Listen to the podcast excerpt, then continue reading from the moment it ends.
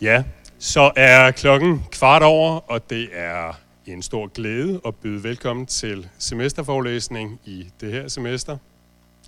Det er godt at se øh, så mange her, og det er en stor glæde også at kunne byde velkommen til øh, Claudia Vels.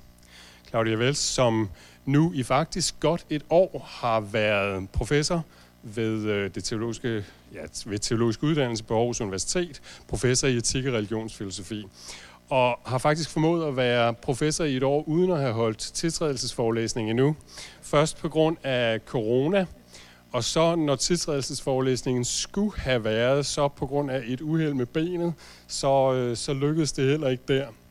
Øh, men Claudia er så meget på benene nu, at, øh, at hun er med kun en krykke, sagde hun. Det, det, så så der er der er håb om, at, øh, at øh, det går og vil gerne stå og forelæse, og skulle det blive nødvendigt at sidde ned undervejs, så tager vi det med. Jeg mødte Claudia første gang for godt 10 år siden. Der var jeg en øh, helt øh, stilfærdig og anonym sovnepræst ude på Amager, men fulgte et kursus, som Claudia udbød på det teologiske fakultet i København, hvor hun var dengang. Et kursus om at være skabt i Guds billede, øh, sådan.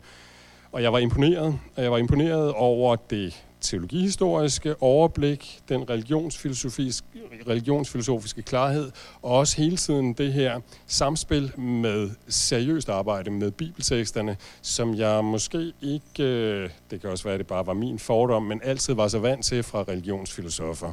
Det kendetegnede Claudia, og jeg blev øh, nysgerrig og har prøvet at læse nogle af de ting, som Claudia har skrevet, har slet ikke kunne følge med til at læse det hele, men det er mange ting. Claudia har impulser mange steder fra. Hvis I slår hendes CV op, vil I kunne se, hvor mange steder i verden hun har studeret, og hvor meget hun har skrevet, og ikke mindst, hvor mange forskellige områder hun har interesseret sig for, både inden for dogmatik og inden for etik og religionsfilosofi kommer oprindeligt jo fra Tyskland, men har været i Danmark på den ene eller den anden måde siden en gang midt i nullerne på en eller anden måde. Kom hertil i første omgang tilknyttet Center for Subjektivitetsforskning og har siden 2010 eller sådan noget også været øh, sådan øh, ansat i videnskabelige stillinger ved det teologiske fakultet i København og efter nogle forskellige afstikker altså nu forløbig havnet i Aarhus. Og jeg betragter det som en øh, stor gevinst for Aarhus-teologien, og en stor gevinst også for os og den lille del af Aarhus-teologien, som vi er her på Menighedsfakultetet. Og derfor er jeg glad for at kunne byde dig velkommen i dag. Og så er der en grund mere til, at jeg er glad for det. Fordi det, som vi taler om her, det er bøndens teologi. Og bøndens teologi i dansk teologisk tradition har jo sådan en lidt sådan stedmoderlig placering – vi nærmer os selvfølgelig bøndens teologi en lille smule, både i Gamle Testamente og i Nye Testamente og i dogmatik og etik og religionsfilosofi og praktisk teologi. Men det bliver lidt sådan, at vi nærmer os lidt fra en kant. Og jeg tænker, at hvis nogen skal kunne give os et mere øh, konkret bud, så må det være en, der har en vid horisont. Og derfor ser jeg frem til det, vi skal lytte til nu, og også til den bog om bøn fra Claudias side, som jeg ved er på vej. Den glæder jeg mig også til. Claudia, vi er taknemmelige for, at du er her hos os i dag. Ordet er dit. Tusind tak for invitationen. Det er, det er en stor glæde for mig, at jeg kan være her i dag, selvom øh, jeg stadig har status som halvinvalid. Og, og som Peter nævnte, øhm, så, så begyndte jeg for cirka, ja nu er det snart 10 år siden, at jeg for første gang øh, havde et kursus om øh, bøndens teologi og fenomenologi på Københavns Universitet. Og da jeg havde den plan, så sagde min kollega, uh, det skal du slet ikke. Det, øh, det er i tabu i dansk teologi. Men man skal, det er for fremt, og, og det er meget svært at, øh, at tilnærme sig videnskabeligt. Øh, og det er også rigtigt nok. Øhm, der findes ikke nogen lærebog øhm, om bønden. Man skal ligesom sammenstykke litteraturen fra alle mulige steder. Så det, det har jeg forsøgt her i dag, og I får lidt fra øh, luthersk reformationsteologi, sammenlignet også med øh, jødiske tilgange. Og øhm, Og som Peter også nævnte, øhm, så er det altid med reference til Bibelen, altså både den hebraiske Bibel og det nye testamente, at jeg, at jeg begiver mig ud øhm, i det eventyr, som det jo er, at forsøge sig på en bøndens teologi og fenomenologi. Ja, skulle han som plantet øret ikke høre, således spørger den bødende i salme 94. Og i samme vers tilføjes endnu et retorisk spørgsmål. Skulle han som dannet øjet ikke se? Evnen til at kunne høre og se betragtes som en gave, som vores skabergud har givet til os. Og hvis Gud nu har skabt vores sanser, så må Gud også selv være i stand til multisensorisk perception, lyder den bødenes konklusion. Og interessant nok kombineres det auditive, der kommer gennem øret, og det visuelle gennem året. Der privilegeres altså ikke bestemte sanser, og der forekommer heller ikke at herske en særlig tæt forbindelse mellem hørelsen og troen. Men det betyder selvfølgelig ikke, at vi burde omskrive det berømte vers fra Paulus brev til romerne, hvor der er tale om, at troen kommer af det, der høres. Og den latinske formel lyder fides ex auditu, og at det, der høres, kommer i kraft af Kristi ord, som Paulus fortsætter. Det er ikke tilfældigt, at hørelsen har første prioritet i troen på en usynlig Gud, uanset om det nu er Abrahams, Isaks og Jakobs Gud, eller om det er troen på den opstandende Kristus. Og så længe der mangler et synligt, empirisk registrerbart bevis for, at Gud kan gribe ind i verdens gang, så må vi nøjes med et budskab, som bliver bevidnet og overleveret af andre mennesker, og som bygger på mange generationers erfaringer. Og dette budskab kommer til os gennem øret, for så vidt det er ved at give mundtligt i prædiken for eksempel. Og i så fald bliver hørelsen altså budskabets aktualiserende kanal. Men kan du også læse efter og se på de bibelske vidnesbyrd af Guds historie med mennesket. Og hvis man gør det, så er øjet til stede igen med det samme. Den bødende i salme 94 ønsker sig en synlig manifestation af sin Gud. Du hævnens guld, træd frem i stråleglans. Således lyder opfordringen i første vers. Men kan Guds fremtræden eller tilsyne komme på hebraisk, el Kamot, Hofir, virkelig ses med øjnene? Eller er det kun indirekte, at vi kan se, hvordan Gud lyser frem og lyser verden op? Altså for eksempel gennem en bøn, der bliver bønhørt, eller i en anden forandring af den bødendes livssituation.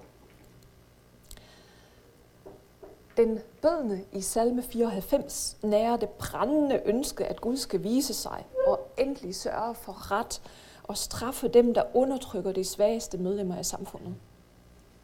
Og det er bemærkelsesværdigt, at den bødende altså ikke plæderer for en bestemt politisk problemløsning, men at han allerførst appellerer til sin Gud, til den allerhøjeste instans, øhm, og det er præcis til den Gud, han appellerer om, hvem den bødenes fjender siger, Herren siger det ikke. Jakobs Gud lægger ikke mærke til det. Så de synligheden er Gud ligeglad. Han intervenerer ikke, mener de. Og de bruger Guds ikke-intervention som legitimation for at sætte deres egne interesser igennem på bekostning af andre. Og det er i den sammenhæng, at den bødende spørger, skulle han som plantet øre ikke høre? Og skulle han som dannede øjet ikke se? Implicit i den bedende spørgsmål ligger der en bekræftelse. Jo, Gud hører vores skrig og suk, og Gud skal nok svare alle dem, der råber til ham. Gud kan ikke kun se og høre, antager den bødende, men Gud kan også gennemskue menneskernes intentioner. Denne guld lovprises så til sidst i salmen som den bødendes bor og tilflugtsklippe, som lå deres uret kom, altså fjendernes uret kom over dem selv og til intet gjorde dem i deres ondskab. Det formodes, at samlingen af de 150 salmer i deres nuværende hebraiske version forelå komplet i det 3. århundrede før Kristus.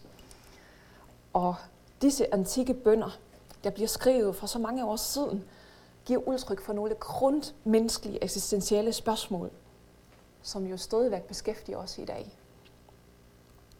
Det, at Gud hører, og mennesket bønhøres, beskrives som to sider af en og samme sag. Men hvordan skal denne mirakuløse begivenhed forstås?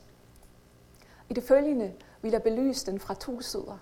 Først teologisk med hensyn til Gud, og så den antropologiske side, der angår mennesket. Og i et tredje skridt vil jeg diskutere om, eller givetvis hvorvidt, troen på at blive bønhørt sågar kan regnes som et kriterium for den rette bøn.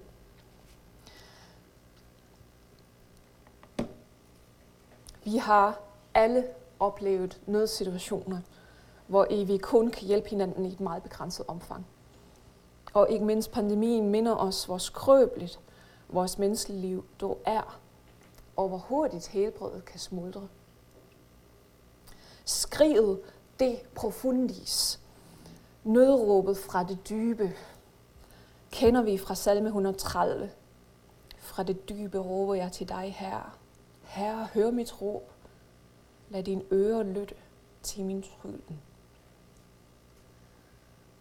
Den britiske komponist Paul Miller, I kan se et billede her på den slide, øhm, har forvandlet disse ord til ved underlig musik for solo, bas og kor i et stykke fra 2005 med titlen De Profundis.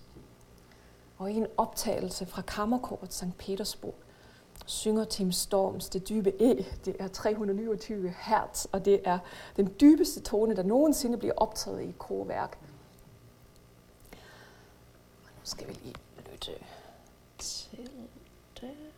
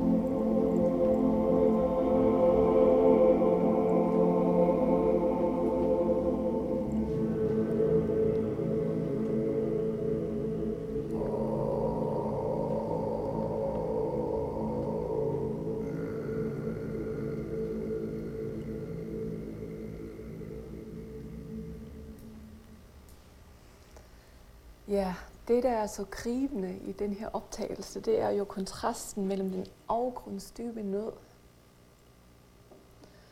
hvorfra skriget stiger op, og den allerhøjestes himmelhøjde, til hvilken kort stemmer bærer den bødende op, med ønsket om, at Gud skal høre dette råb. Hvis Gud ikke er i stand til at høre os, så er det meningsløst eller ligefrem forrygt af os at tale til ham.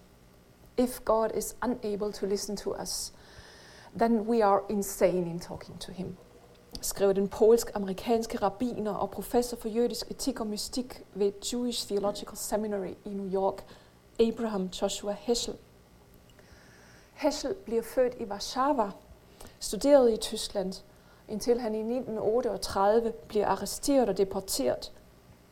Hans mor og søstre bliver myrdet af nazisterne, og han vil sidenhen ikke betræde tysk jord igen. Gud er ifølge Hessel ikke hjemme i et univers, hvor Guds vilje hånes og hans kongedømme nægtes.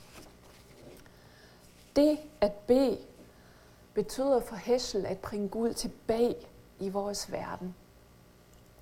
At genoprette hans herredømme og at sprede Guds nærvær i verden. To pray means to bring God back into the world, to establish his kingship for a second at least. To pray means to expand his presence. Det at tilbyde, at tilbede Gud, betyder en videre at gøre den transcendente Gud immanent. Så der er en bevægelse. Han er ikke bare her oppe i et særskilt rum, men kan komme til os. Men det er ikke vores mystiske mm. erfaring eller følelse, at vi er tæt på Gud eller ej, som er afgørende, men snarere vores vidshed eller overbevisning om, at Gud er nærværende, til trods for, at hans nærvær kan være skjult. Vejen til bønden leder os til forundring. Og så længe vi ikke vil anerkende det, der forbliver hinsides forstandens og synets rækkevidde, så længe er vejen til bønden lukket for os, mener Hessel. Og det er først i det øjeblik, hvor vi befinder os lige overfor the mystery of being, hemmeligheden af at leve og dø. I det øjeblik henvender vi os til Gud. Og hvis der ikke var Gud, der hørte os og tog vare på os, ville livet i denne verden, hvor de nødlødende skrig ofte ikke høres, være et helvede. The universe would be an inferno without a God who cares There is no echo within the world for the agony and cry of humanity. There is only God who hears.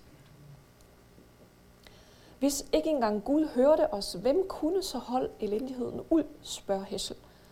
Og af netop denne grund har vi brug for at have tillid til, at Gud forbliver nær nok til, at vi kan råbe til ham, og han kan svare. På tysk er der et udtryk, øh, at man kan være øh, eller ja, det er faktisk en digter, som, som har skrevet det, en høresigt. Altså som om man siger gennem ørerne.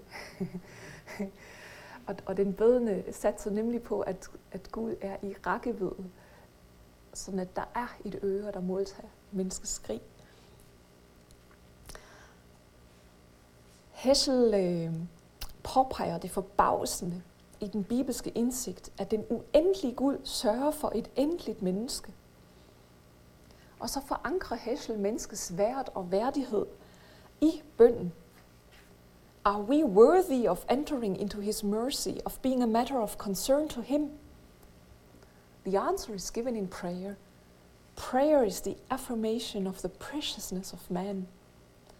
Prayer may not save us, but it makes us worthy of being saved. Og man kan så spørge, om bønden også ville give mening, hvis der ikke var en lyttende og talende adressat. Avisagi, filosofiprofessor ved Bar Ilan Universitetet i Tel Aviv, offentliggjorde i 2016 en bog med titlen Prayer After the Death of God, A Phenomenological Study of Hebrew Literature. Det er en meget provokerende titel. Og Sagi byder her på en litteraturvidenskabelig analyse af bønden, som han med Wittgenstein forstår som sprogspil. Sagi undersøger først og fremmest vidnesbyrdet af ikke-troende hebraiske digtere, post-holocaust forfattere, der efter katastrofen på hebraisk har Shoah, ikke længere går ud fra, at Gud kan nås igennem bønden. Erfaringen af Guds tavshed, eller skjulthed, eller ikke tilstedeværende hos sit ledende folk i nazitiden har været overvældende for disse forfattere. Og bogens hovedspørgsmål er så, What is the meaning of prayer in a world where God is no longer? Til hvem henvender bønden sig så, hvis ikke til Gud? Og Sagi går ud fra, at alle mennesker er bedende væsener, og at bønden er rådfæstet i menneskets natur. Og selv i en kultur, i hvilken Gud betragtes som død, så beder mennesket, vi agtager han. Og han tolker dette som en mulighed for menneskelig selvtranscendens, uden tro på Gud. Prayer breaks forth from the depths of the heart, skriver han, og definerer bønden som et udtryk for de benende menneskers verdenssyn. Bønden som ekspression er ifølge Sagi et oprindeligt fænomen, som også kan fremtræde gennem poesi og musik. Og bøndens funktion er at holde håbet oppe og bekæmpe resignationen og tanken, at vi må nok affinde os med det givende eller få udgivende. Og på linje med denne tanke har Sagi valgt et citat fra Eli Wiesel som mottotekst for kapitel 7, Humans as Praying Beings i hans bog. Med hensyn til Wiesels tid i dødslejrene Auschwitz og Buchenwald, så spurgte Wiesel sig selv, Why did I pray? Strange question. Why did I live? Why did I breathe? Så bønden er for ham lige så naturligt som det at leve og trække vejr. Og sammenligningen mellem bønden og vejrtrækningen, det finder vi for øvrigt også hos Søren Kirkegaard, som var grunden, hvorfor jeg kom til Danmark i øh, 2003 og skulle lære dansk.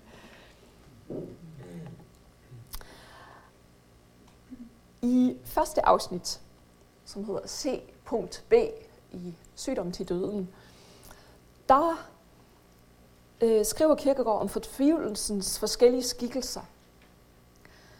Og her hævder han, at fatalisten eller deterministen, der tror, at alt sker med nødvendighed, altså at man ikke kan påvirke det, man kan ikke ændre på det, øhm, han er fortvivlet, fordi han mangler mulighed.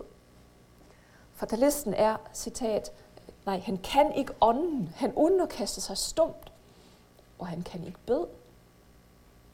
Den troende derimod kan i bønden få, citat, den evige sikre modgift mod fortvivlelse, mulighed.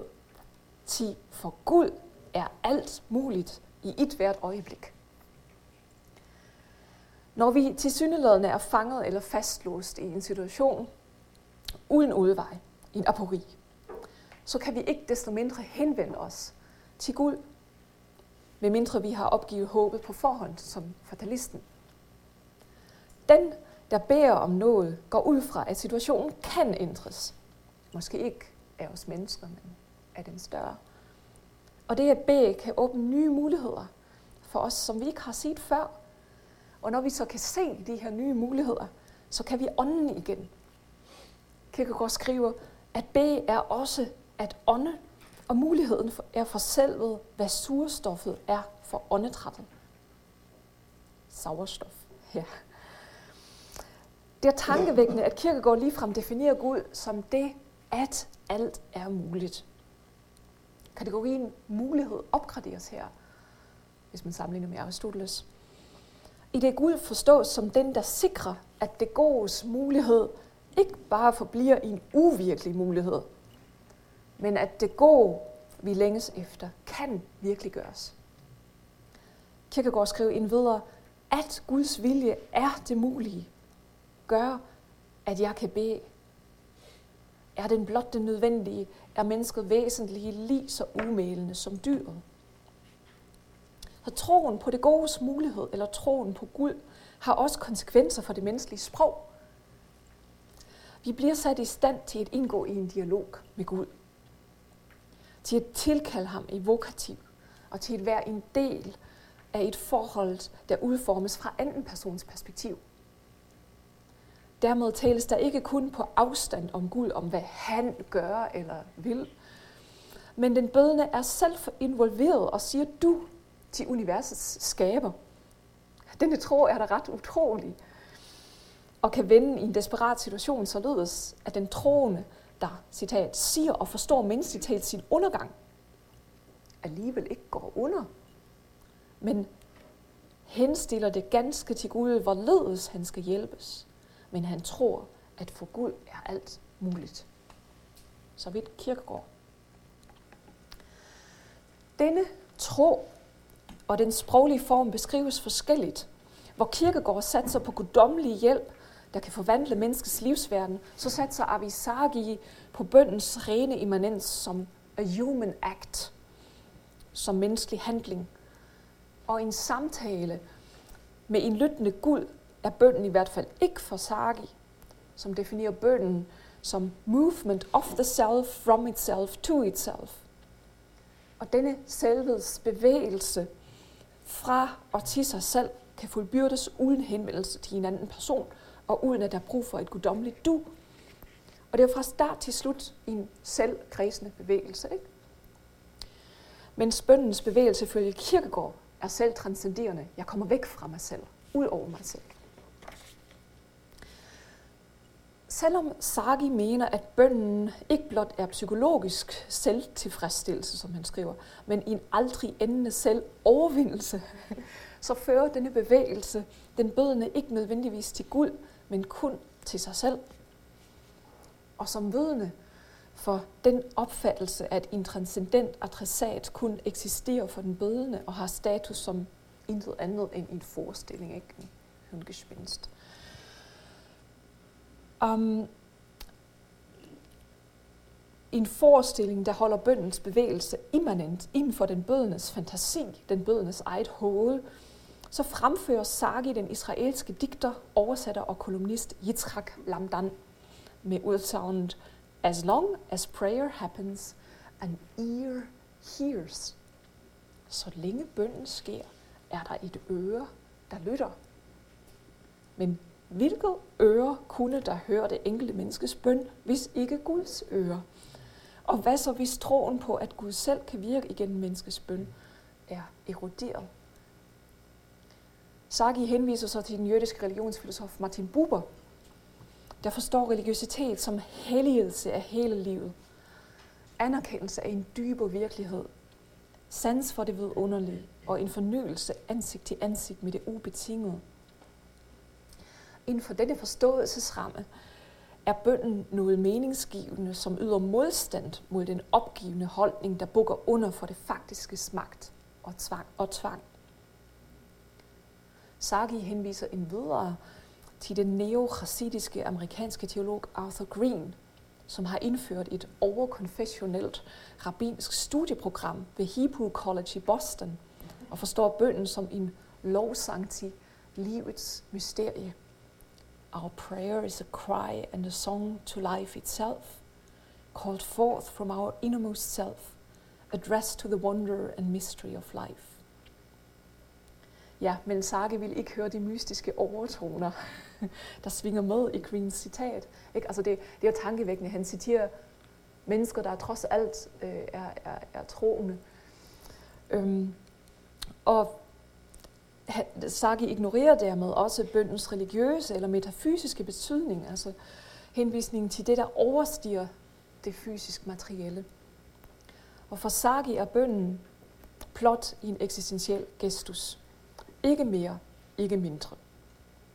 Men det er som om de citerede tekster øh, kommer med en indsigelse imod hans forsøg på at reducere bønden til noget grundmenneskeligt uden en lyttende og talende guld som bønden adresseres til. Og derfor forekommer hans argumentation at være lidt inkonsistent. Lad mig give et eksempel. Hvordan kan man overvinde sig selv? Ikke? Det, er, det er hans tese, at mennesket overcomes himself. Hvordan kan man overvinde sig selv, hvis man aldrig kan komme ud over sig selv? Hvis man kun har den her kredsende bevægelse. Indtager livets mirakel, om hvilket bønden drejer sig om hos Sagi til sidst ikke Guds plads, hvorfor han så må personificere øh, livet som nogen, der har et øre at høre med. Hvis Sagi ikke fulgte Lamdam i dette punkt, så forbliver bønden en appel, der løber ud i et tomrum, og målparten er i så fald ingen eller intet. Så imod sin egen intention, så siger Sagi noget andet og mere i bønden end i en ren menneskelig aktivitet. Og dette viser sig også i hans sammenligning mellem bønden og samvittighedens kald. Han mener, at begge fænomener de kalder os til at sige ud over vores konkrete eksistens og udtrykker længslen efter et liv, der er rigere og mere intens end vores nuværende liv. Og begge fænomener tvinger os til at lytte til noget, vi ikke kan sige til os selv. Og igen, denne fænomenbeskrivelse understøtter ikke Sagis egen tese om den eksklusive antropologiske forankring af bøndens sprogspil.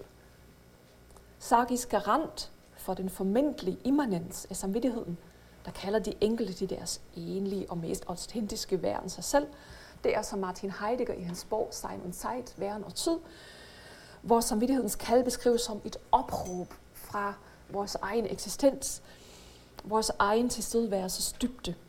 Og med Heideggers ord, så kommer samvittighedens kald, afsmiger und doch über mich, altså ud af mig selv og dog over mig.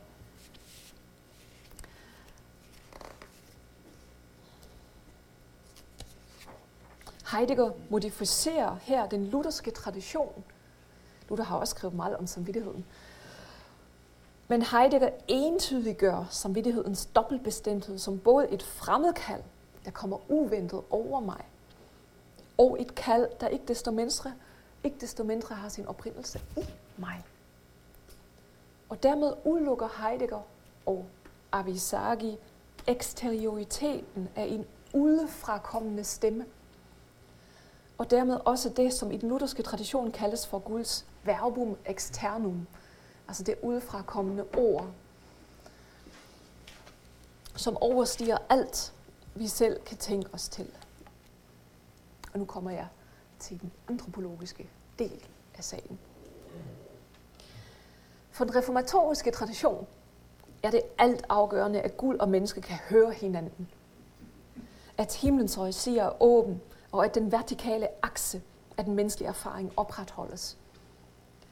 Et andet problem er, at vi kan lukke ørerne for Guds stemme, eller hjertet, må man måske ret at sige, fordi det handler ikke kun om, om sanseerfaring. Og hvis forskel mellem oppe og ned ophaves, og Gud er midt i blandt os, så er vi alligevel ikke altid opmærksomme på ham. Det er syndens erfaring. Så spørgsmålet er, hvordan mennesket kan blive til et lyttende og lydhøre væsen. I en klassisk studie med titlen Ontologi der Person by Luther beskriver teologen Wilfried Jøst, hvordan Luther forstår den menneskelige eksistens coram deo vis-à-vis Gud. Og Jøst påpeger, at mennesket er responsiv. Altså mennesket svar på et udfrakommende kald. Og det hænger sammen med, at mennesket ikke kan leve af sig selv. Som synder er det afhængig af Guds mit sign, altså medværen og Guds virke. Mennesker kan ikke forlade sig på sit åndelige selvvirke eller spontanitet. I stedet er det et modtagende væsen hele vejen igennem. Det modtager Guds forjættelsesord gennem sin tillidsfulde tro på, at ordet virker. Og i troen er der en modsætning mellem audire, altså det at høre ordet, og så judikare, det at dømme over sig selv. Altså samvittigheden kan jo også blive til en tyran, ikke? Så man fordømmer sig selv. Og her mener Luther jo, hvis dette indtræder, så skal vi ikke lytte til vores egen samvittighed, men skal lytte til, til Kristus, som også skal få lov til at tale igennem den. Men, men det, det gør Kristus jo ikke i udgangspunktet. Det, det sker kun, hvis vi er åbne for den her for det her verbum externum. Ja, og ifølge Jøst så opdager Luther noget overraskende i sin refleksion over salme 81. Og på latin hedder det Audi populus meus at contestabor te. Han opdager nemlig, at Audi imperativ og contestabor bruges absolut i dette vers. Altså ikke i den forstand, hey, hør nu godt efter, jeg vil fortælle dig noget, men snarere i den forstand, at Gud ønsker, at mennesket principielt bliver til et hørende, et lyttende væsen, og Gud selv ganske principielt vil være den talende. Det, at mennesket får status af et lyttende væsen, der altid skal høre, betyder, at det ikke skal fokusere så meget på, hvad det selv kan gøre, og, men primært på Guds nærvær, der virker i mennesket. Og således betegner det latinske ord auditus. Ja, øhm, ikke menneskets egen evne til at høre eller til at tro, men alene det, at Guds ord bliver til lyd, verden, bliver hørbart, hørbar verden, og bevirker, at mennesket lytter, høren virken. Og i den kontekst, der er troen en bekræftende accept af Gud som alles Vermögenden und Wirken, altså som, som den, der formår og virker alt. Så fremt troen har svarkarakter som respons på Guds ord, så vil jeg ikke følge jøst i at betragte troen som responsorische passivitas. Fordi hvis troen var helt passiv, så kunne vi jo ikke engang sige amen i slutningen af en bøn. Ikke? Øhm, passiv er troen kun i den forstand, at mennesket ikke selv kan give eller tilegne sig sin tro. Den er en gave, og giverens initiativ forudgår modtagerens respons. Og som en sønder på afstand af Gud, må mennesket allerførst åbnes af Gud for Gud. Så mennesket bliver i stand til at tage Guds ord til sig, og villig til at lade, lade det virke i sig. Så på det grundlag bliver det klart, at menneskets tro indeholder en komponent af receptivitet, og denne er nødvendig.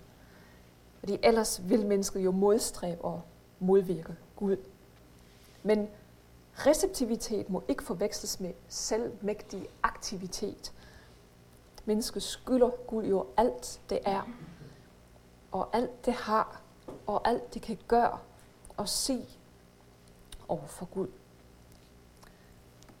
Og denne opfattelse er i overensstemmelse med det, som den lutherske teolog Gerhard Ebeling skrev i et essay, der skebet. Han står for en øh, hermeneutisk teologi og har reciperet både Luther som kirkehistoriker og så senere som systematisk teolog, øh, også Schleiermacher og Bultmann, og har prøvet at kombinere disse hermeneutiske traditioner. Og nu får I øh, et langt citat på tysk. Jeg ved ikke, om man kan... Det må man ikke. Nej, jeg oversætter. Undskyld. Nu, nu bliver jeg jo bombarderet med den tyske tradition. Men jeg skal nok oversætte. Forhold til Gud, de Gottesbeziehung, er ikke en fysisk kausalitetsrelation, men snarere en sproglig relation mellem personer. Væren, der er ud fra Gud og hen til Gud, fuldbyrdes som hørelse, og det at lade sig høre. Væren over for Gud er som sådan af en sproglig natur, også når det bliver tavs for en Gud. Og præpositionen for an henviser her til en instans, til hvilken mennesket er kaldet, og denne kaldelse er målet med det at være menneske mens det er sprogets dybeste ophav og højeste måde, at mennesket må ytre sig selv og er velkommen til at gøre sådan over for denne instans. Altså det, det er Gud, han mener her. Og derfor er det egentlig en selvfølge, at Guds forholds genstand er mennesket i sit forhold til verden. Det er ret bemærkelsesværdigt. Altså det, der er i centrum for Guds forhold, det er ikke Gud selv, men mennesket i verdensforholdet. Det er en indirekte vej her. Og menneskets grundsituation er bøndens situation. Ifølge Ebeling, og, og I, I kender måske, er, er der nogen af jer, der har læst hans øh, dogmatik? Nej. Du, du, ja, du, du, du bliver tvunget til det i et eller sammenhæng, ikke? ja, vi gennemgik lidt også om gudbillighed. Men, men altså, det er, det er noget helt øhm, særligt. Æbeling har, har, har begyndt hans øh, dogmatik med prolegomena. Og inden han kommer til gudslæren, så beskriver han bønssituationen som nøgle til Guds erkendelsen. Og, og grundtanken er, at vi, vi kan altså ikke erkende Gud og snakke om Gud i tredje persons perspektiv, medmindre vi har et personligt forhold til Gud. Det synes jeg er en meget indlysende øh, tese. Så, så, så det hører med til den teologiske øh, øh, grundkompetence, hvis man ikke vil modsige sig selv, at man ikke kun taler om Gud, men også til Gud, som, som I jo har en praksis, en daglig praksis, ikke med en andagt hver morgen. Ja. Så menneskets grundsituation er bøndens situation, mener Ebeling. Og det gælder uanset om bønden er sprogligt formaliseret og liturgisk ritualiseret eller ej. Bønden står aldrig uden for sproget, heller ikke når det er en stille bøn, der holdes som en andagtig tavshed. Fordi vores menneskeliv i alle vores handlinger er gennemtrængt af sproget. Og Ebeling skriver en videre, Das Leben im Glauben zehrt von der Präsenz des Wortes, das darum Gottes Wort heißt, weil es die Freiheit dazu gibt, das Leben als das zu leben, was es vor Gott ist und es darum zu Anrede und Antwort an Gott werden zu lassen. Frit oversat. Livet i troen tager fra ordets nærvær. Ordet hedder Guds ord, fordi det giver os friheden til at leve livet som det, det er over for Gud. Og fordi det derfor lader livet blive til en tale til Gud og svare på ham. Og i bønden, der bærer vi således vores verdenserfaring foran Gud. Ja, jeg, jeg har lænt mig meget op af denne her tradition for at kunne retfærdiggøre, at jeg nu udbyder en kursus om bønden. så, så det har også en øh, epistemologisk øh, grund, ikke? altså erkendelsesteoretisk grund, fordi vi ellers ikke kan erkende ham, som vi jo i teologistudiet øh, taler om hovedsagen til os i teologien, ikke? Som, som jo ikke er en sag, en genstand, men øh, en... Ja, det, det er så en, en, en anden diskussion, hvorvidt, øh, hvorvidt øh, livets kilde så også, øh, altså hvorvidt Gud kun skal beskrives som person, eller også noget øh, transpersonalt. I Bibelen har vi også en metafor, som netop øh, øh, min klippe, eller borg, som vi hørte, at livets kilde, det er jo ikke en personlig metafor. Men, men det er en anden diskussion, som, som jeg ikke vil komme for dybt ind lige nu. um, vi skal lige diskutere noget andet. Um, vi kan nemlig spørge, om det, der sker i bønden, i det hele taget skal forstås som en dialog. Og, og netop når, når Gud betragtes som en helt ekstraordinær person, ikke, ikke i øjenhøjde med os, men en absolut person, som Martin Buber kaldte ham, øhm, så må vi også spørge, er det en almindelig dialog? Og noget, der taler for at forstå bønnen øhm, som dialog, er den måde, hvor Paul Luther øhm, har defineret bønnen i en prædiken fra 1539. Øhm, ein ewig Gespräch zwischen Gott und dem Menschen. Entweder, dass er mit uns rede, da wir still sitzen und ihm zuhören, oder dass er uns höre, mit ihm reden und bitten, was wir bedürfen. Ja, nu er det meget svært. Nu har I Mittelhochdeutsch. Det er en gammel tysk version. I behøver ikke at, at kunne forstå det. Oversættelsen er her. altså bønden forstås som en evig samtale mellem Gud og mennesket, enten således, at Gud taler med os, mens vi sidder stille og lytter til ham, eller at Gud hører også tale med ham og beder, og beder om det, vi har brug for. Og i sådan en samtale foregår der en veksel mellem det at lytte og det at tale. Den lyttendes og den talendes rolle tilskrives guld og mennesket på skift. Og derfor er det også passende, når Bernhard Mutzler karakteriserer Luthers bønsforståelse som en virkelig kommunikation med Gud. En reale kommunikation med Gud. Øh, med, ja, nu, nu kan jeg ikke, nu kan jeg ikke engang tale i mit modersmål mere. En reale kommunikation med Gott. Sådan. Nogle gange blander jeg det danske og det tyske.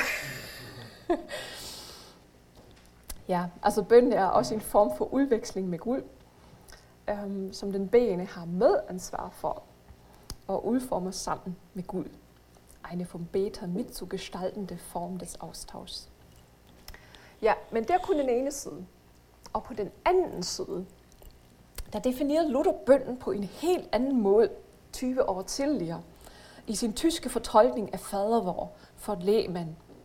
Og her beskrives bønden som ein Aufhebung des Herzens zu Gott. Altså, han forstod bønden som hjertets eller gemyttets opløftelse til Gud. Det er den her bevægelse. Det er ikke sådan her, men sådan. Og denne definition kræver ikke nødvendigvis, at bønnen må være dialogisk, fordi bønnen i dette tilfælde ikke er baseret på gensidighed. Og i den sammenhæng forekommer mennesket først og fremmest at lytte til Gud, der taler.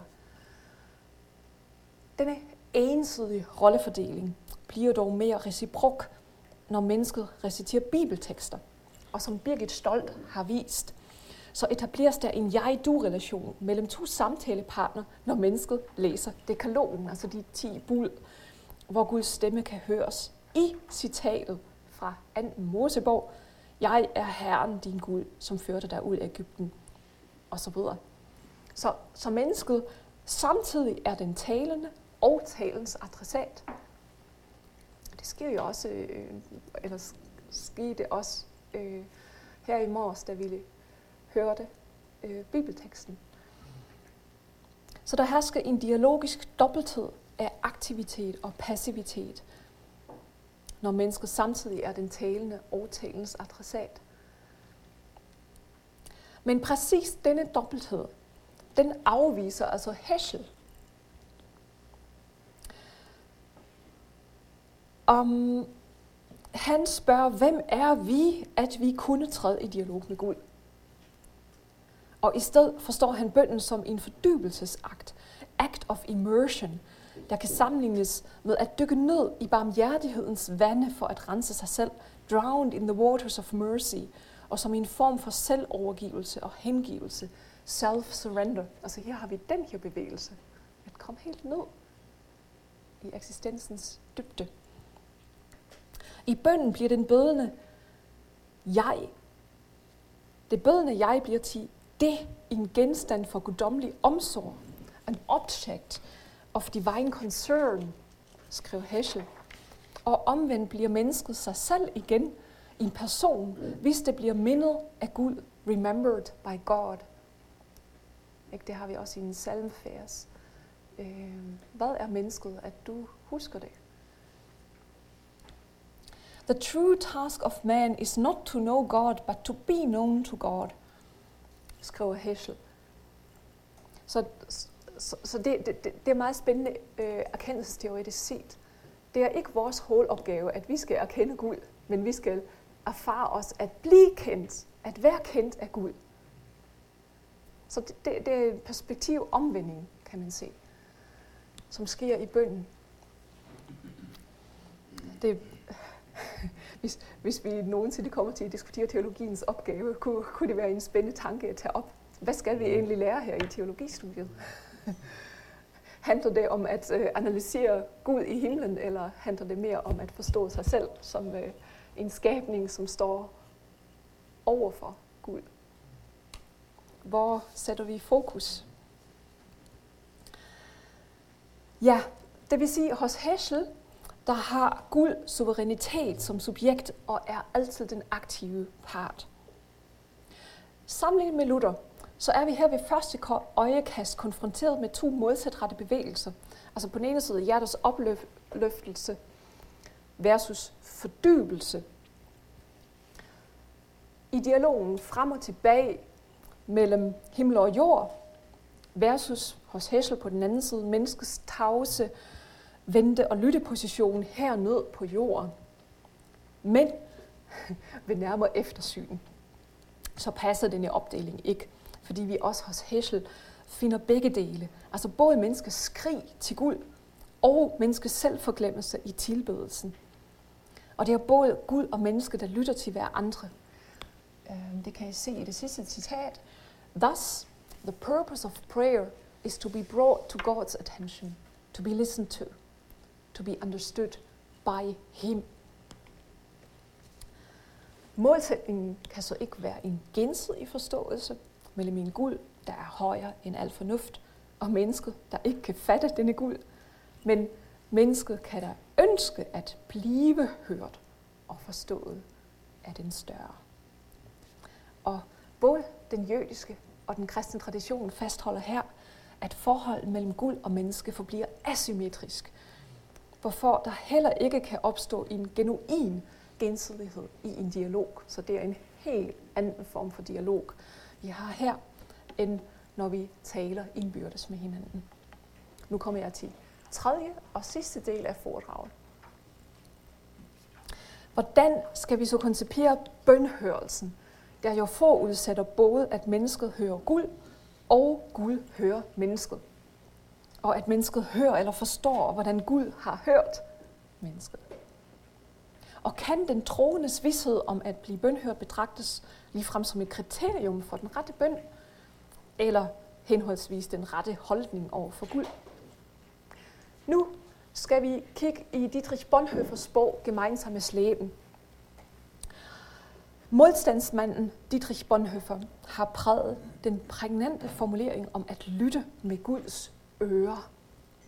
Og det gør han netop i sin lille bog Gemeinsames Leben, øhm, som udkom i 1939, altså også krigs begyndelsen i Tyskland. Øhm, og titlen kunne måske oversættes med et fælles liv eller at leve sammen som kristne. Og her noterede Bonhoeffer sine tanker om det kristne liv og samliv, efter at det præste- og prædikerseminar, som han ledte i Finkenwalde i Tyskland, bliver tvangslukket af Gestapo. Bonhoeffer betoner den store betydning af at lytte til hinanden, zuhøren på tysk. Og han mener sågar, at vi kan tjene hinanden mere, når vi lytter til hinanden, end end når vi bare taler reden. Så tuhøren er vigtigere end reden. Ikke mindst, fordi Guds kærlighed til os viser sig deri, at han ikke kun giver os sit ord, men også lægger ører til os.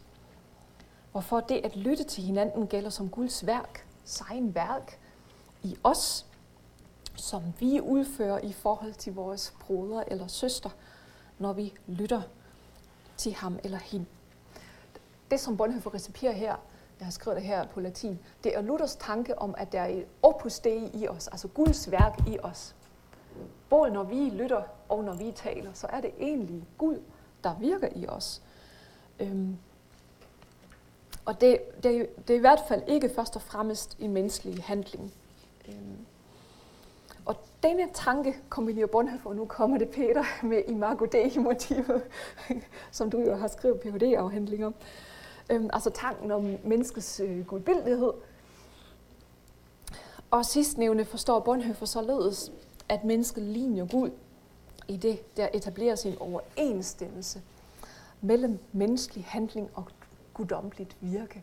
Han kalder det for, eller nej, ja, jeg har skrevet det i en slags analogi af aktionis.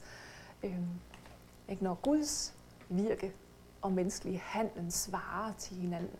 Vi kan også føre det tilbage til øh, Leviticus, øh, hvor der er et vers, øh, hvor det bliver lagt i Guds mund, øh, så han siger, jeg er hellig, derfor skal I også være hellige. Det, det, er, det er sådan en analogi af aktionis. Og hos Bonhoeffer øhm, finder vi sådan en overensstemmelse mellem menneskelig og guddommelig handling eller virke øhm, med hensyn til, hvad han kalder for aftragtes vortes og aftragtes hørens. Altså, hvad, hvad er det for et ærende, vi har? Hvad er der vores sande værv som teologer? Øhm, og selvfølgelig, når, når vi skal holde en prædiken, så er det ordets ærende. Ikke? Så, så skal vi videregive det ord. Men i sjælesørg, der er det primært aftragtes hørens, lyttelsens eller hørelsens ærende. Vi skal lægge ører til hinanden. Og Bonhoeffer var jo også en fremragende øh, sjælesørger, øh, som, som altså fremhævede netop det. Og han, han kritiserede hans samtid for ikke at have taget højde for følgende indsigt, som strømmer til kristendommen fra psykoterapien og eksistensfilosofien. Øhm, det er så hans kritikpunkt.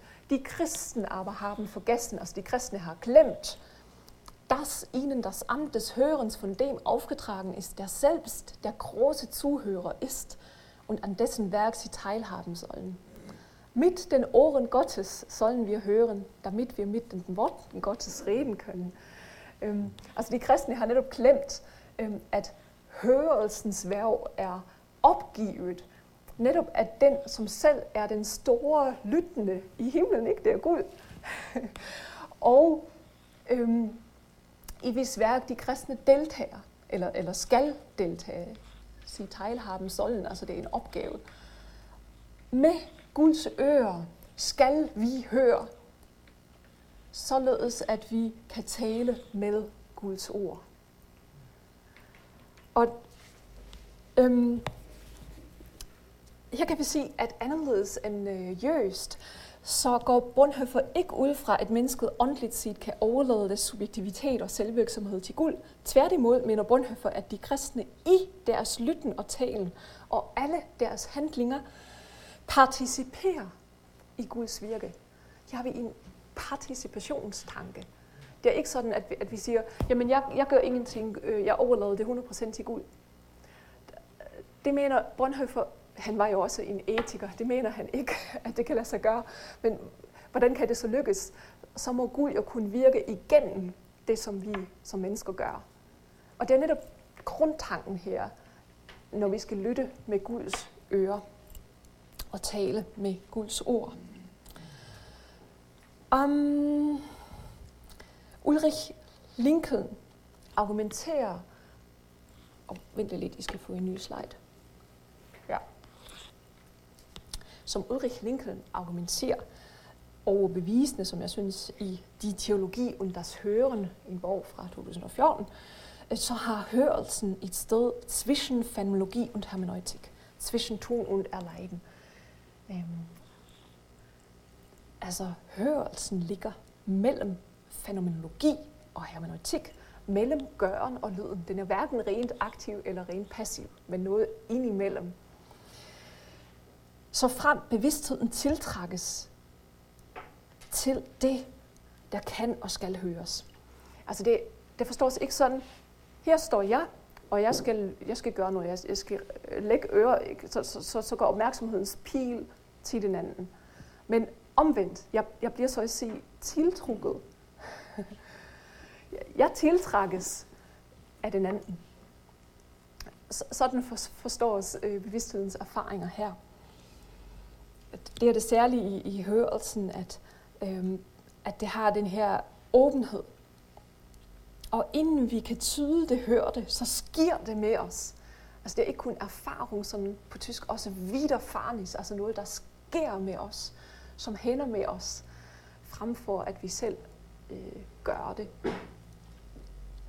Og her øh, taler Lincoln om en akroamatische Berührung, en akroamatisk berøring. I kan måske høre det kraske ord. Øhm, øhm,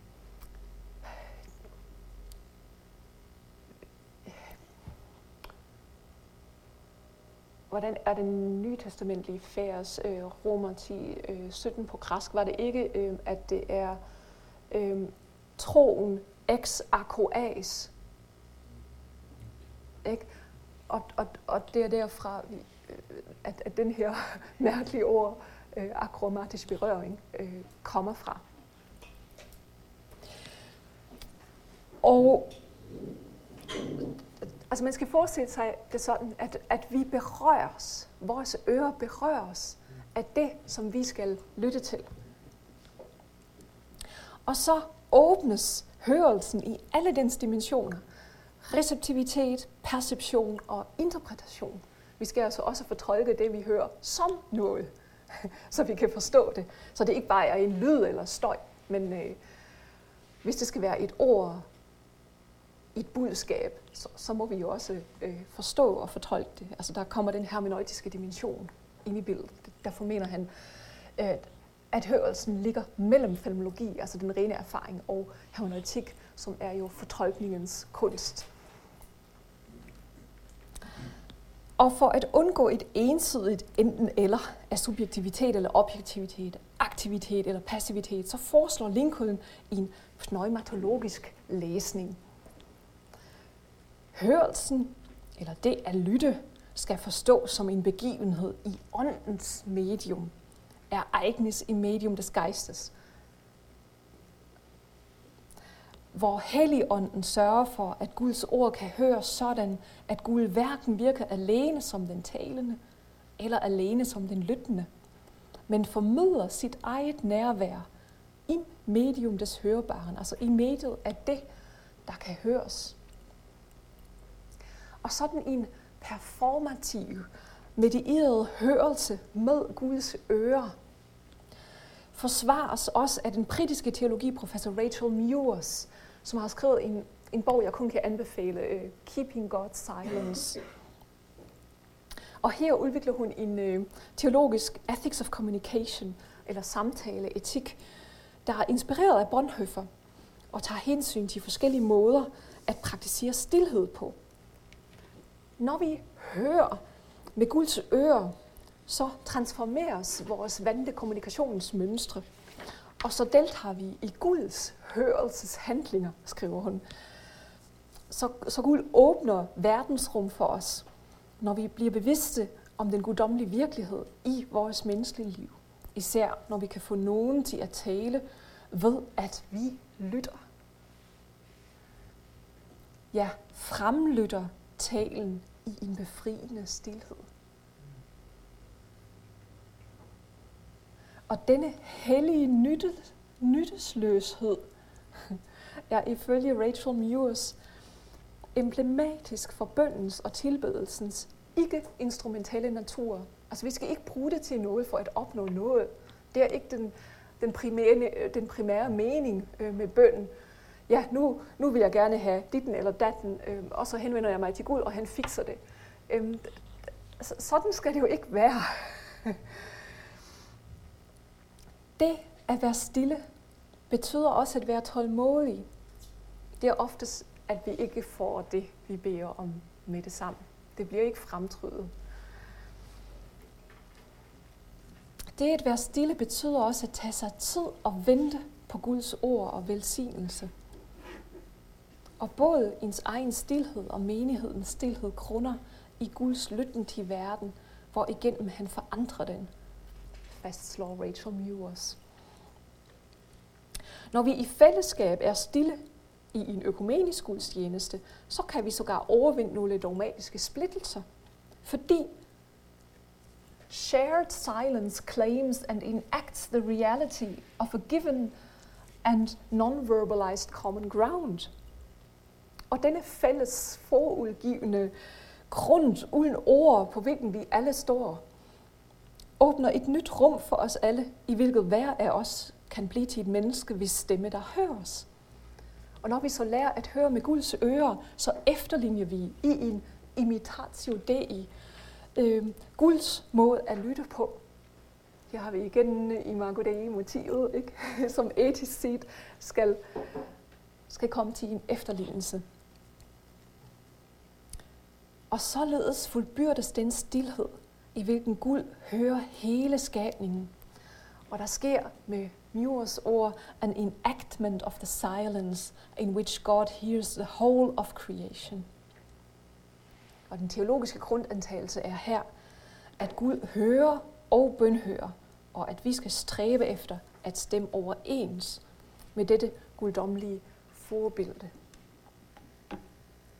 Sidste afsnit. Der er talrige salmer, som bevidner erfaringen af, at den bødende bliver bønhørt. For eksempel salme 34. Jeg søgte Herren, og han svarede mig. Han befriede mig fra al min frygt. Og i vers 18 opstilles så en regel. Når de retfærdige skriger, skriger, hører Herren dem, og han befrier dem fra alle deres trængsler. Og der er også nogle salmer, som formulerer betingelser for, at Gud bønhører en bøn. For eksempel, den bene må have gode intentioner. I salme 66 hedder det, havde jeg haft ondt i sine, ville Herren ikke have hørt mig. Så vi kan ikke forvente, at Gud bønhører os, når vi vil misbruge den magt, som vi får gennem en bønhørt bøn. At der kan indtræffe det, vi har bedt om. I en bøn, der bedes hele hjertet. For andre jo i det mindste de bødende selv. Jeg kan ikke huske, hvem det var, men, men der findes sådan en joke om, øhm, var det T.S. Eliot eller nogen, øhm, der skrev, øh, det, det, det kan blive til en, øh, um, til en forbandelse, hvis en bøn bliver bønhørt. altså hvis, hvis, hvis det bliver bønhørt med det samme, ikke? For, fordi vi mennesker tenderer til at bede om det forkerte. Um, så, så, så der ligger måske noget nåde i, at, øhm, at der er lidt tid. Og i den tid, så skal vi selv blive klar til at handle på, på det, øhm, vi nu har erkendt, er det, vi skal gøre. Eller vi siger verden på en ny måde. Og for Luther, så er det den troendes vidshed om at blive bønhørt, øhm, som er en selvfølge, både en selvfølge og en norm for troen. Ein Christen aber muss so gewiss sein. Ein Christen aber muss so gewiss sein Gebet erhöret wissen, so gewiss er Gott wahrhaftig hält und glaubet. Altså en kristen må være lige så forvisset om, at hans eller hendes bøn bliver hørt, som han eller hun sandelig tror på Gud, skriver Luther. Og han bygger vidsheden, når man bliver bønhørt på Guds løfte, promissio på latin, hvor igennem Gud giver sig selv til mennesket i sit ord, så mennesket kan stole på Gud. Og i en prædiken fra 1520, øh, der fastslår Luther, non pot est non fieri ex auditio. Det kan ikke være, at der ikke sker en bønhørelse. Og uden Guds tilsavn om, at han vil høre os, ville vores bøn være til intet gjort. Spørgsmålet er så, kan vi, kan vi på den baggrund forstå Guds bønhørelse som en slags test af vores egen bøn, øhm, som, som så at sige kan bekræfte bøndens succes. Ja, nu har jeg gjort det rigtigt, nu er det, nu er det sket. så må jeg have gjort Guds vilje. Fungerer det sådan?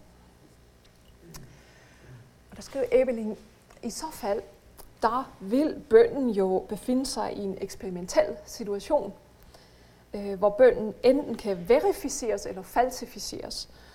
Og Ebeling indvender imod denne tanke om et eksperimenteret situation, at spørgsmål om bønhørelsen ret forstået ikke er bøndens prøve, men at der snarere tastes vores forståelse af bønden.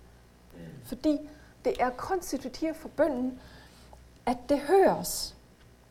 Ikke at det bønden høres. Det har i det her citat. Nicht, dass es erhört, hört, sondern dass es gehört wird.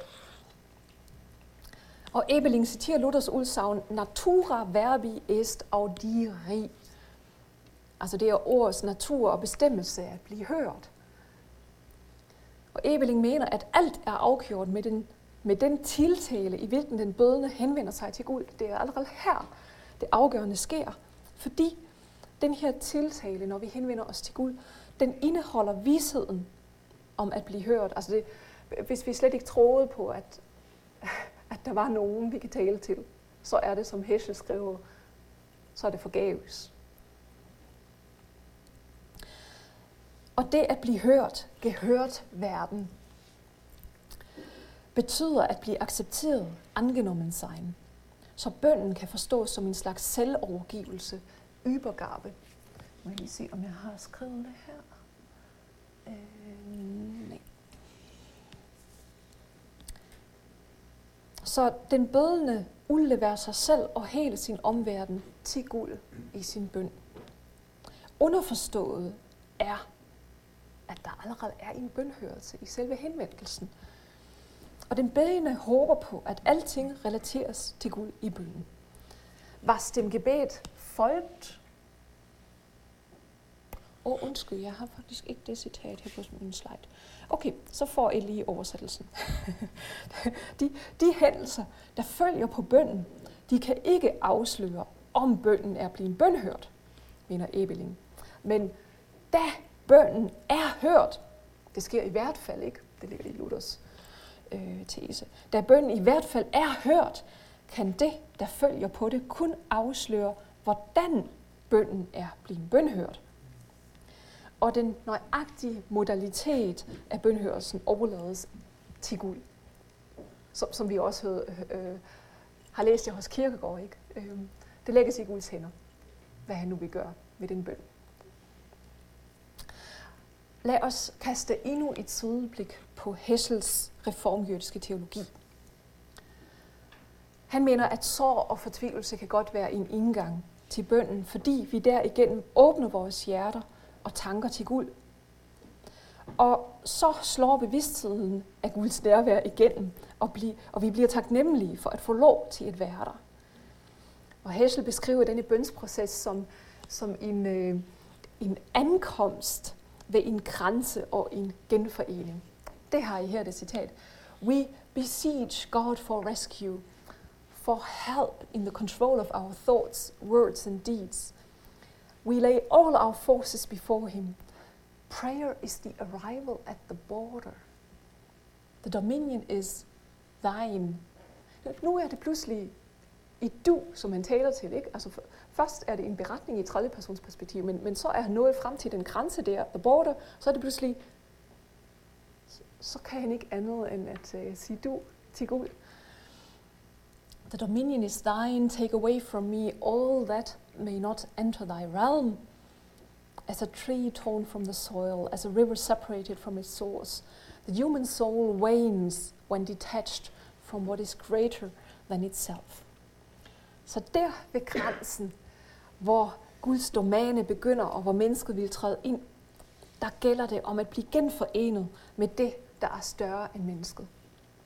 Som et træ, der skal være forbundet med jorden og en flod med vandets kilde, sådan skal menneskets sjæl være forbundet med Gud. Ja, og, og det, er, det er meget påfaldende, at, øh, at Hesler har indbygget en lille bøn i, i det afsnit. Øhm, altså der, hvor han henvender og overgiver sig til Guds herredømme, øh, the dominion is thine, så, så bærer han det guddommelige du øh, fra et andet persons perspektiv om at tage alt bort, der ikke må være med i den her domæne, øh, og som ikke må være, som, som ikke må blive en del af, øh, af Guds rige. Bøndens virkning på den bødenes inderste kan jo i sig selv betegnes som en bønhørelse. Selvom vedkommende skabende i den ydre verden ikke altid bliver vendt. Der er ingen garanti for, at der er et ekko i verden for vores krig, det kører, altså vores hjerte, suk. Men vi kan være sikre på, at Gud selv er ramt af vores ledelse og hører vores klageråb, skriver Heschel. Det, at vi i bønden knyttes til noget åndeligt, der er større end os, dette attachment to what is spiritually superior, bevirker, at vi kan træde ud af vores selvoptagethed og se verden i lyset af det hellige. We do not step out of the world when we pray. We merely see the world in a different setting, skriver han. Det, det er igen en hermeneutisk tilgang. Øh, som, som svarer meget fint til, til det, som Ebeling skriver. Um, det at henvende sig til Gud i en tro på, at han hører os og føler med os, kan virke som en reorientering i verden og en afklaring af, hvad der virkelig er ønskværdigt. Prayer is a way to master what is inferior in us, to discern between the signal and the trivial, between the vital and the futile, by taking counsel with what we know about the will of God, by seeing our fate in proportion to God. Bønden giver os dermed et distinktionsmød og tillader os et skældne imellem, hvad der svar til Guds vilje, og hvad vi ikke burde bruge vores kostbare livstid på. Hvad betyder det nu for kriteriespørgsmålet, som jeg rejste i starten? Kan den bødens vished om, at der vil ske en bønhørelse, regnes ligefrem som et målestok for den rette bøn? Og, og, og nu må vi måske overveje, hvad, hvad kunne der alternativ være, være kriteriet? Der, øh, der har vi forskellige bud. Det, det kunne være bøndens indhold. Eller det kunne være bøndens virkning på mig. Eller det kunne være det rette tidspunkt, øh, hvornår en bøn øh, udtales. Øh, ja, vi, vi, vi kan måske i diskussionen øh, tage det op, hvilke kriterier man ellers kan, kan komme frem med. Øhm, um, Vidsheden om at blive hørt eller bønhørt angår både Guds forestilling, menneskelig selverkendelse og det, som sammenholder begge to. Troen på at stå over for en Gud, der svar på vores bøn. Og det vil jo ikke være passende at bruge menneskelige bedømmelseskriterier for at evaluere Guds måde at lytte og respondere på. Men vi kan kræve af os, at bede således, at vores bøn ikke modsiger vores tro. Og hvis nu det allervigtigste er hengivelsen til Gud, så følger den bedende selvforvandling helt af sig selv. Så her ligger bønhørelsen. Også fordi hun eller han lærer at koncentrere sig på det, som betyder allermest, nemlig at forblive i kontakt med Gud, uanset om ens øvrige ønsker opfyldes eller ej. Og det er sådan den forløbige konklusion, som jeg vil stille til diskussion. Tak for jeres opmærksomhed.